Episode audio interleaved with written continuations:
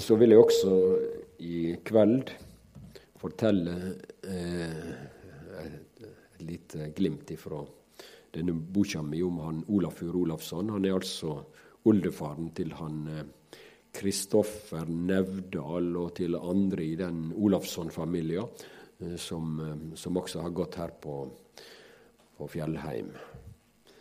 Olafur Olafsson han var født såpass lenge siden som i 1895. Um, han gifta seg med ei, trønderjente i 1926. Eh, og i bryllupet ute på misjonsfeltet så var det stor eh, stemning og jubel. Og det er fint pynta og rikt program. Eh, og så var det en av misjonærene som hadde øvd inn en helt ny sang. Eh, eller en, en sang som på den tida var, var ny. Og så han har stensilert opp eh, Trykt opp da, slik at alle fikk tekster på den sangen. Og, og, så var det flere ganger den, i løpet av bryllupskvelden så, så sang de. Og det var 50 gjester, så det ble sikkert eh, bra sang. Eh, Eh, jeg har en kopi her. Eh, eh, etter at Eller da når kvelden var over, så tok en av misjonærene og putta dette arket i, i dresslomma si. Det var Arne Tiltenes. Og og så lå det der inne i dresslomma i mange år, helt til 1931. Nesten fem år uh, inne i, dressen. Og så uh, hendte det at da var det ekstra masse det, var forresten stadig vekk, men 1931 var et, et veldig vanskelig år grunn av røverbanda, herjinger og, og, slik på misjonsfeltet. Eh, og, og på den stasjonen som han Tiltnes var som misjonær, der slo røverbanden til og rana mange ting. Men, men folk ble sparte, så det gikk for så vidt bra.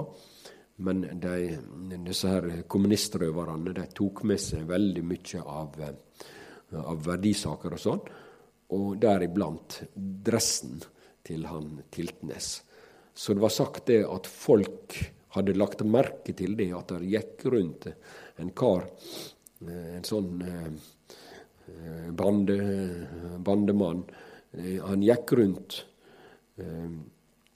med med, med så veldig sjelden eh, drakt. For, for det, det, er jo ikke vanlig i Kina å gå rundt i en sånn eh, flott eh, dress. Men det gjorde denne geriljakaren. Eh, det gjorde han. han gikk eh, i denne fine dressen. Og så i samme tida, eh, cirka, kanskje litt før, så hadde en, en, eh, disse her eh, Denne banden eh, hadde slått til på en svensk-amerikansk misjonsstasjon også, og der tok de en ung misjonær som gissel. Og dette skildra her i denne boka, da. Han, han heter Andersson. Den misjonæren, svensk-amerikaner. Og han var helt ny i Kina, så han, han kunne svært, svært eh, lite kinesisk. Og han ble ført av, av disse kommunistene, så ble han ført opp i fjellet, enorme avstander. Eh, og, og han, han, kjente seg fullstendig fortapt, for han kunne ikke kommunisere med, med kineserne, og han, han forsto nærmest ingenting og var fortvilt. Eh, så var det en, en dag altså at han oppdaga at det lå et papir eh, ved sida av, eh, av, stien langt Du vet det er sånne områder at, at vi kan ikke forestille oss avstandene. Men, men der fant han tilfeldigvis et papir. Og det var han, eh, han soldaten, eller han geriljakaren som hadde vrengt lomma si og tenkte at, at dette det var, var bare å, å, bli kvitt. Så dermed så tok han Andersen opp dette, og så så han på det. Oi, dette er ikke kinesiske tegn. Dette kan jeg forstå. Og så las han Det var en gammeldags nynorsk. Men, men han kunne som sven, svensk-amerikaner forstå mye av det. Han las Gud nok lagar dine dager så det gjeng som best det er, og så videre. Og han, han ble fri eh, noen uker seinere, og da kom han til de norske misjonærene til, til uh, hovedstasjonen i Lav K. Og, og så, så, fortalte han uh, denne historien. Og han sa det at dette papiret var rusk. Det kom inn i hans situasjon som himmelsk eh, tale. Han opplevde det som direkte hilsing fra Gud inn i sin fortvilte situasjon. Og han fikk nytt mot, og han blei faktisk fri. Eh, det er ei, ei av perlene i, i denne boka jeg fikk, fikk tak i, i, dette eh, Det lå i albumen til eh, Herborg og Olafur Olafsson. Og det, det daterte 2. oktober 1926. Og så står det denne sangen ble sungen i bryllupet vårt. står det. Og så kunne altså Gud eh, bruke det eh, som, eh, som eh, trøst og hjelp til en, en eh, stakkars svensk misjonær, svensk-amerikansk misjonær. Ja.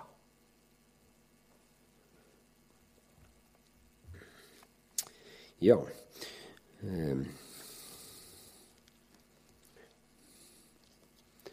Vi har hatt ulike eh, vinklinger eh, inn mot bønn. Og i går kveld så eh, handla det om bønn for sjuke. Det å, å, salve og be for den som er sjuk. At den, den, som er sjuk, kan kalle til seg de eldste. Eh, og at, at her er en vei i nøden. Eh, slik. I dag så eh, skal vi eh, holde oss i Daniels bok, i Det gamle testamentet, i Daniels bok. For det er avsnitt i Daniels bok som er veldig lærerike når det gjelder vårt tema om eh, bønn. Men nå skal vi be. Herre Jesus, takk for at vi får være samla i ditt navn, og om eh, dette emnet, om denne bønneretten og bønnearbeidet som du har gitt oss. Og så eh, vil vi igjen i kveld be, som, du sa, som læresveinene sa til deg, lær oss, Herre, Herre, lær oss å be. Amen.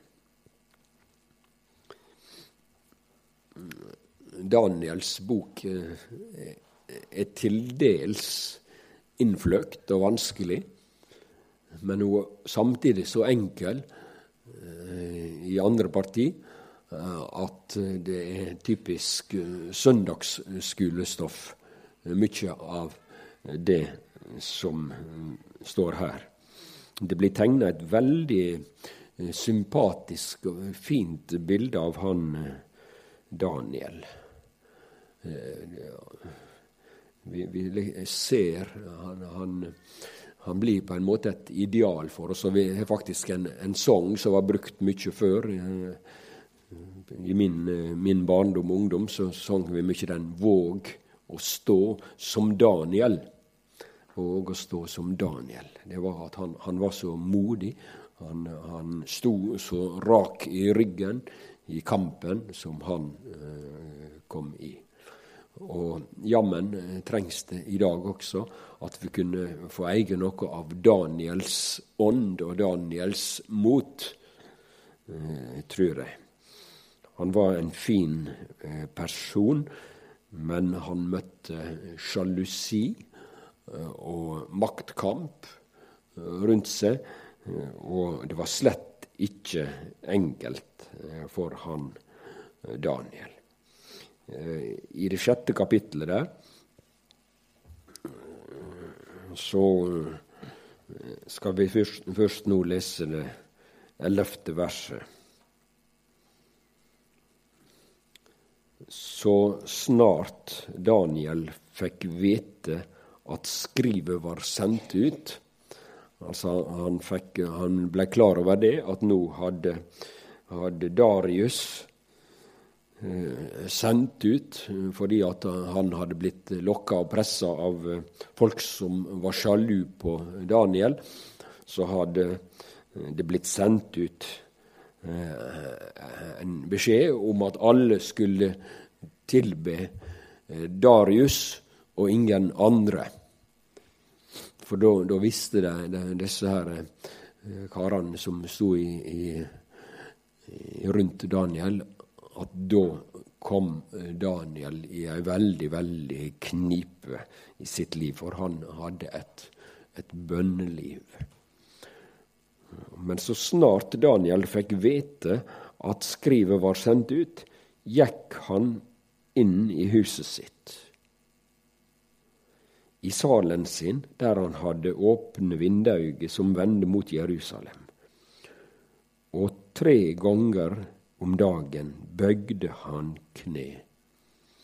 Og lå, tre ganger om dagen bøgde han kne i bønn og lovprising for åsynet til sin Gud, nett som han hadde gjort før.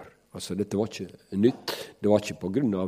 den nye, vanskelige situasjonen, men, men uh, han uh, hadde en orden i sitt uh, bønneliv Eh, at han bøyde kne faktisk tre ganger hver dag eh, i bønn og lovprising. Også, bare tenk, tenk på det uttrykket der. Bønn og lovprising. En mann som går inn på, på rommet sitt. En mann som, som let at døra, som Jesus uh, sa, når, når han taler om bønn i Matteus 6, så, så, så, sa Jesus at du skal gå inn på rommet ditt og late at døra, og så skal du be. Og Fariseerne likte å stå ute og be, slik at folk skulle se hva masse de, de ba. og bli, De ville bli lagt merke til. Men eh, Jesus sa noe om, om denne bønna i enerom, aleine. Og den bønna praktiserte han, han, han Daniel. Ja. Og jeg tenker at vi trenger fellesbønn på, på, på møte og på bønnemøte eh, og sånt. Det er veldig viktig med, med bønn i gruppe og, og alt sånt. Eh, eh, men det er noe med det å være heilt aleine også. Eh, tre ganger hver dag. Det, det, er nok absolutt ikke et krav. Det blir ikke gjentatt i Det nye testamentet at vi skal be tre ganger hver dag. Det er ikke en regel eller en lov, men det er et, et ord som kan vekke oss litt opp ifra, ifra bare eh, det sløve. Hvor lenge er det siden du bøyde kne og åpnet ditt hjerte for Jesus? Slik sang vi en gammel sang.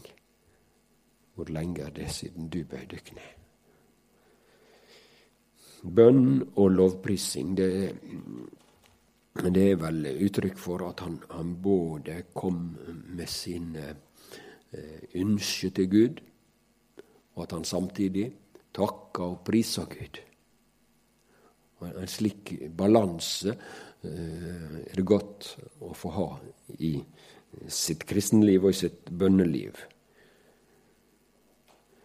Eh, og så las vi at han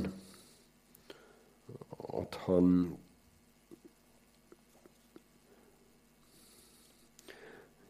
han, han gikk fram for åsynet til sin Gud. Tre ganger om dagen bøyde han kne i bønn og lovprising for åsynet til sin Gud. Eh, altså for Guds ansikt. Det ordet, ordet det sier at om døra er stengt, og det er ingen andre som registrerer, så er Guds ansikt der. Gud ser, og Gud hører. Og så kan vi snakke eh, til Han som vi ikke ser, men som allikevel er der. Um, det, det, er så mange små moment i, i, disse avsnittene her at jeg, jeg, må nesten famle en liten grann. Eh, men som jeg skrev på lappen min, at bønna fører oss heilt inn eh, for Guds ansikt. Og, i Hebreabrevet 4 eh, der, der, står det at, at vi skal få gå inn for nådens kongstol. finne hjelp, eh, nåde og hjelp i rette tid. Innenfor nådens kongsstol. Eh, det er et veldig uttrykk. At, eh, at vi altså får komme inn til kongen. Til kong Kristus, kan vi si. Og så si alt til han. Livet hadde vært skiftende for, eh, for han eh, Daniel. Jeg må passe meg så ikke sier David, for jeg føler disse navnene er så, så lette å mikse. Eh, det hadde vært skiftende, og nå, nå ble det dramatisk endra. De ytre betingelsene ble helt tilstengt og tilkneppa. Så det ytre skifta, men, men, det indre, det var stabilt. Han eh, gikk inn og ba nett som han hadde gjort før. Akkurat som han hadde gjort før. Og vi som eh, tror på, på Jesus, og som, som um, følger Han, og som har også et, et, bønneliv Kanskje du kjenner på at det er ganske ufullkomment, og jeg må innrømme det at jeg kan absolutt ikke konkurrere med han, han eh, Daniel sånn i det ytre. Men, men for, også fra mitt indre så stiger det sukk opp til Gud så mange en gang. Ja. Og dette, denne indre bønneveien, dette indre bønnesamfunnet, eh, at det i, i Jesu navn får komme fram for Gud, det er stabilt og åpent om alt annet blir ustabilt og stengt. Alt annet kan bli skipla, men eh, ingen Vår Herre kan fengsla, står det i en sang av Mathias Orheim. Altså, det, jeg tror han, han brukte den Det var han Paulus og Silas som havna inne i det innste fangerommet i, i Filippi fengsel. De var i Filippi som misjonærer, så fikk de store problem.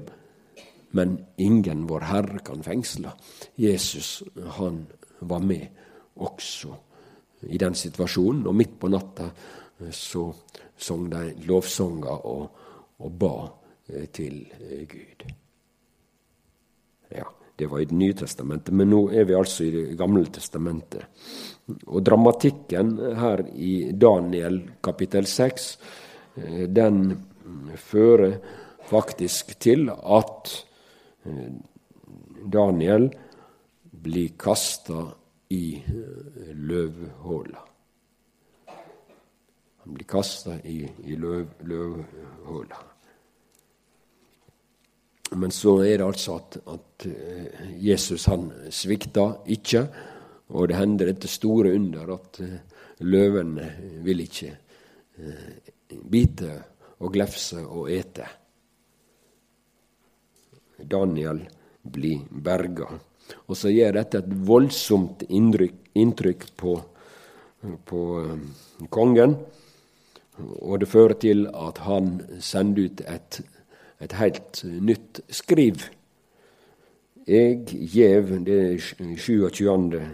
verset her, jeg gjev med dette det påbudet at folk så langt kongeriket mitt når, skal, skal skjelve for Daniels Gud og ha age for Han. Altså skjelve og ha age, det, det har med en veldig respekt. Folk skal ha full, stor, maksimal respekt for Daniels Gud. For han er den levende Gud. Han hadde sett noe, han Darius. Han hadde sett at han David han ber ikke til steiner og stokker, han ber til den, den levende Gud. For han er den levende Gud og skal være til evig tid. Hans rike går ikke til grunne, og hans herredømme varer heilt til enden. Han frelser og frir ut. Han gjer teikn og under i himmelen og på jorda. Han som frelste Daniel fra løvevalden. Ja. Så der eh, på en måte snudde alt. Men eh, så skal vi gå til, til det niende kapitlet, som også eh, viser og gir oss innsikt, eller vi, vi kan se inn i Daniels sitt bønneliv. Nå er tida gått, det er andre som har makta. Eh, og Daniel han, han blir opptatt eh, av noe han ser i bøkene, at, at Gud har sagt gjennom profeten Jeremia at det skal gå 70 år eh, før folket får reise hjem fra Babel. For han, han var i, i Babel, som vi veit. Og når han så dette, så gjorde det et sånn inntrykk på han, og, og så står det i, i 9, kapittel 9 og vers 3. Da vende eg andletet til Gud Herren for å søke Han med bønn og audmjuke ynske, med faste i sekk og oske. Jeg ba, vers 4, jeg ba til min Gud og sanna og sa. Å Herre, du store og aglege Gud. Det er et som skal ha største respekt for. Du, du store og respektinngytende Gud. Eh, som held pakta di og held opp held oppe miskunn mot de som elsker deg, og held både av dine. Altså, I denne nye situasjonen nå så ser vi hvordan ber han. Ja, han, han vender seg til Gud og ser Gud som den store. Og han erkjenner at han sjøl, selv om det ikke står direkte, så, så er han sjøl så liten, men med Gud er så, så stor. Også fra vers 5 Vi har synda og båret oss ille åt. Vi har vært truløse og trassige. Vi har veket av fra båda dine og lovene dine. Vi høyrer ikkje på tjenerne dine, profetane. Vi høyrde ikkje på tjenerne dine, profetane, som taler i ditt navn, til kongane våre, til hovdingane og fedrene våre og til alt folk i landet. Altså, han, han sier vi, vi, vi. Og det han, han sier i denne bønna til Gud, det viser at han han eh, solidariserer seg eh, med folket. Han sier ikke at folket har vært trassige, og folket har vært sløve, og folket har brutt lovene dine. Nei, han sier vi. Og jeg tenker kanskje at, at i vårt bønneliv, sånn om, ja, om den åndelige situasjonen i, i Norge og Skandinavia og i verden for så vidt, så, så har vi vel i grunnen ikke så mye å ro. Det er lett kanskje å tenke at, at det er alle de andre som er problemet. Og så er vi så bra. Men slik ber ikke han, han David. Han sa at vi har synda og båret oss ille åt og vært gudløse trassige. Vi har veke av fra båda dine og lovene dine. Vi hørte ikke på tjenerne dine og profetene. Så, så er det en slags uh, syndserkjenning, en slags lekse som han, han ber fram for Gud, der han ikke pynter på situasjonen. Han pynter slett ikke på situasjonen men, eh, men tar seg sjøl med i bønna. Men så kommer det i det sjuende verset Du, Herre. Du skifter forma fra vi, vi, vi til du. Du, Herre, er rettferdig. Du, Herre, er rettferdig, men vi lytt kjenne skam vi lytt kjenne skam. Men du er rettferdig.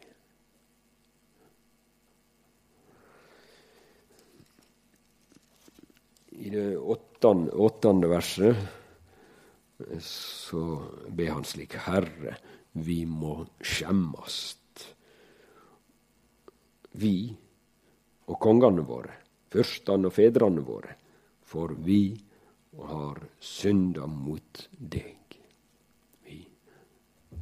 Også mot deg. Det er, noe der også. At, at, når det gjelder spørsmålet om synd, så er ikke det et, egentlig et diskusjonsspørsmål om smak og behag. Og sånn. Om, om private meninger. Men det handler om, om Gud. Guds vilje, Guds ord. Vi har synda mot deg. Det var samme som eh, Jesus trekte fram i, i fortellinga om den bortkomne sønnen når han kom hjem igjen. Eh, så, så, tenkte han på det at når han kom, så måtte han få si Far, jeg har synda mot himmelen og mot deg. Mot deg. Og jeg tenker at for vi holder det perspektivet at vi med livet vårt har med Gud å gjøre, så er det kanskje mange ting eh, som kommer i et annet lys enn når vi bare fører eh, store og små diskusjoner. Guds ord står, står egentlig ikke til diskusjon. Sjølsagt eh, trenger vi å, å drøfte hvordan Eh, ting er å, å forstå. Men ordet står fast og kan ikke gjøres ugyldig, eh, står det i Det nye testamentet.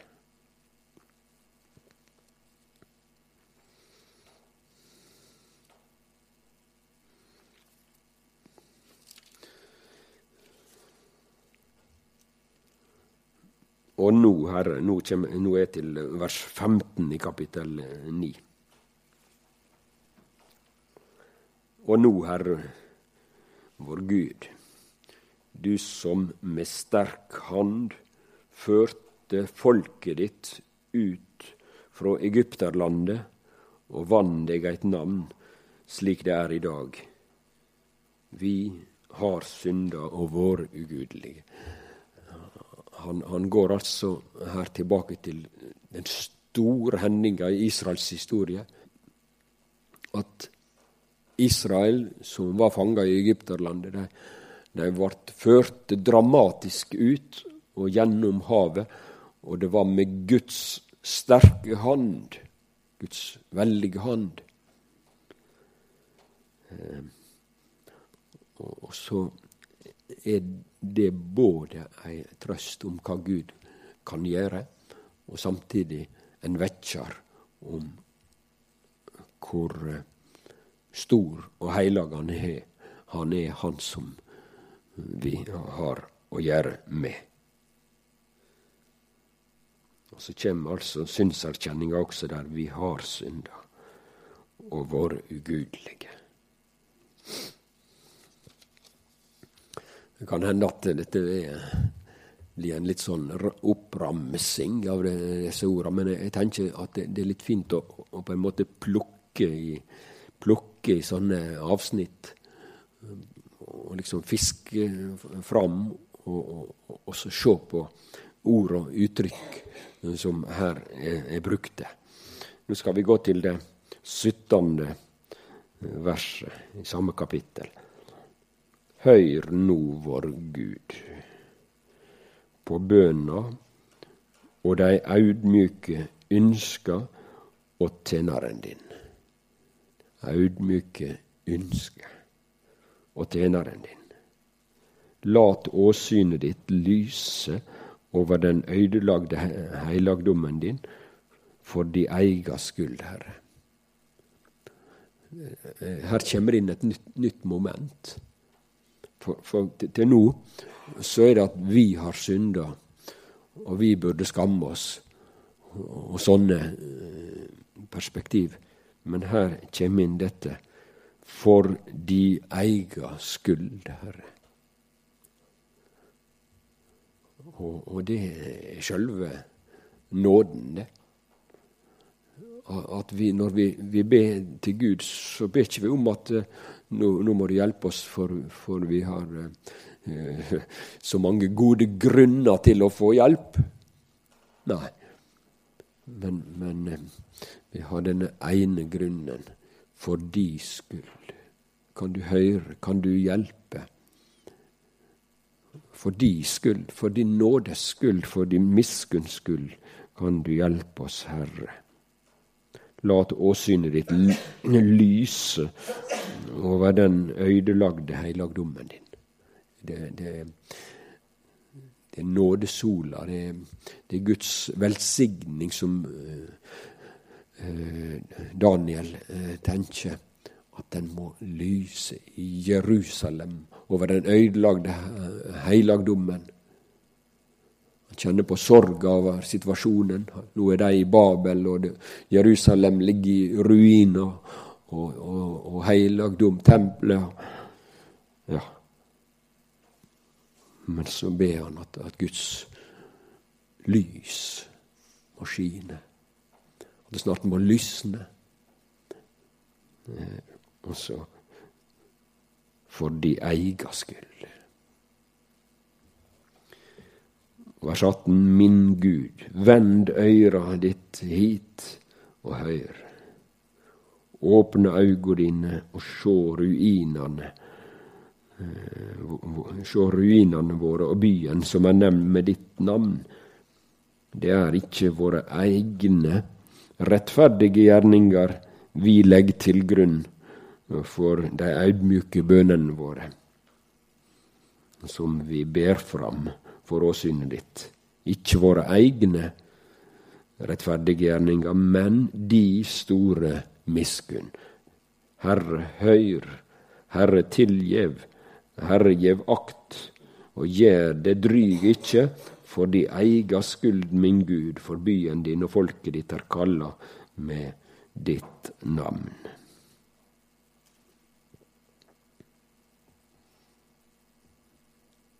På meg gjør, gjør disse orda inntrykk.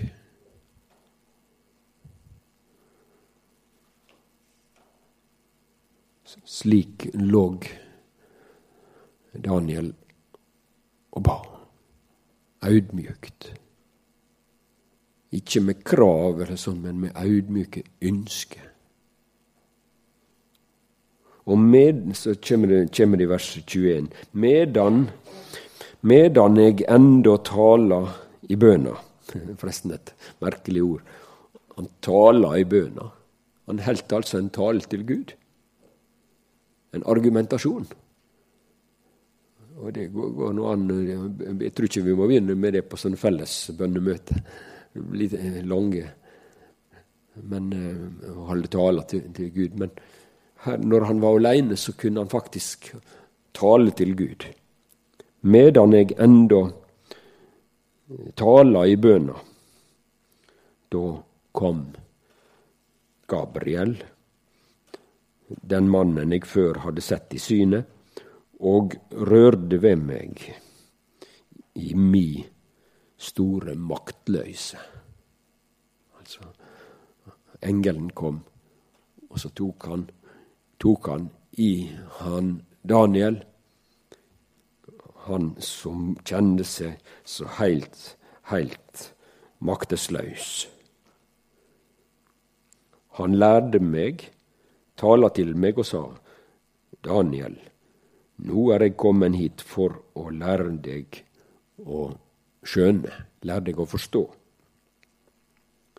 Med det samme du børja å bære fram de audmjuke bønnene dine, gikk det ut eit ord, og nå er eg kommen for å kunngjøre deg det, for du er høgt elska. Er ikke det fint?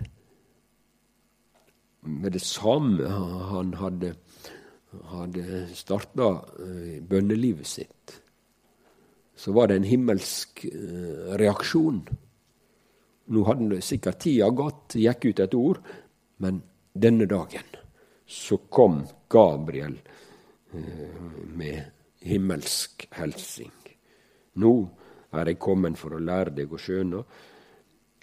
Eh, og nå er jeg kommet for å kunngjøre deg det, for du er høgt elska. Så merk deg ordet og gjev akt på synet. Til slutt skal vi bla til det tiende kapitlet og ta med to-tre vers der, som handler egentlig om det samme, og som understreker dette her. Det tiende kapitlet, vers 11 og 12 og 18.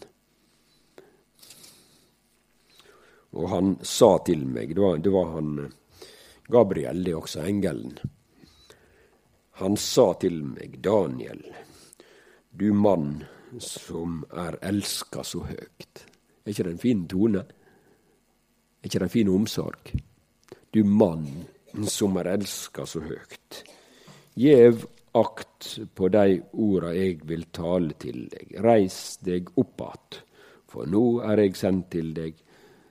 Da, da, da han taler slik til meg, reiste eg meg skjelvande opp så sa han til meg, vær ikke redd, Daniel, for fra den første dagen du vende hjarta ditt til å vinne sjøen, og til å audmyke deg for åsynet åt din Gud, har orda dine vorte høyrde, og på grunn av orda dine er eg kommen. Jeg veit ikke, men det kan vel hende at det er flere av oss som av og til kan lure på om det nytter å be. Og, og, vi kan kanskje også i bønnelivet gå trøtte. Du ber for den og for den, og du nevner det og det, og du kommer med personlige ønsker framfor Gud. Og så, så ja, hva, hva da? Jeg syns det er fint å legge merke til her at fra første dagen du vender hjertet ditt til å vinne sjøen og audmyke deg for åsynet åt din Gud, har orda dine vårt høyrde. Det skal helt sikkert ikke bety at, at Gud skal være en automat som gir ja-svar på alle, alle bønner. Ikke slik. Men alt det du kommer fram med i, i bønn, det blir hørt og registrert, og det blir lagt inn på en måte på Guds hjerte. Og det er godt å tenke på. Du som ber for ditt barn, dine kjære, går i forbønn fra år til år. Om du tålmodig Dette er en sang som egentlig er skrevet, skrevet til, eh, til, foreldre, gamle foreldre, eller foreldre som ber for ungene sine. ikke sant? Du som ber for ditt barn, dine kjære, går i forbønn fra år til år. Om du tålmodets lekse må lære, himmelens bønnesvar en gang du får. Det er svar underveis. Engler kommer med bud. Her er noe her å få vite at nå har vi sagt det til Gud. Og vi har fått komme med det igjen og igjen. Både det og det. Stort og smått. Og i ei audmjuk ånd, som det står flere ganger i disse kapitlene her. Audmykt. Og det, det, jeg tror det må, må, bety først og fremst, slik som det også står i Fader vår, at lat viljen din råde. Din vilje.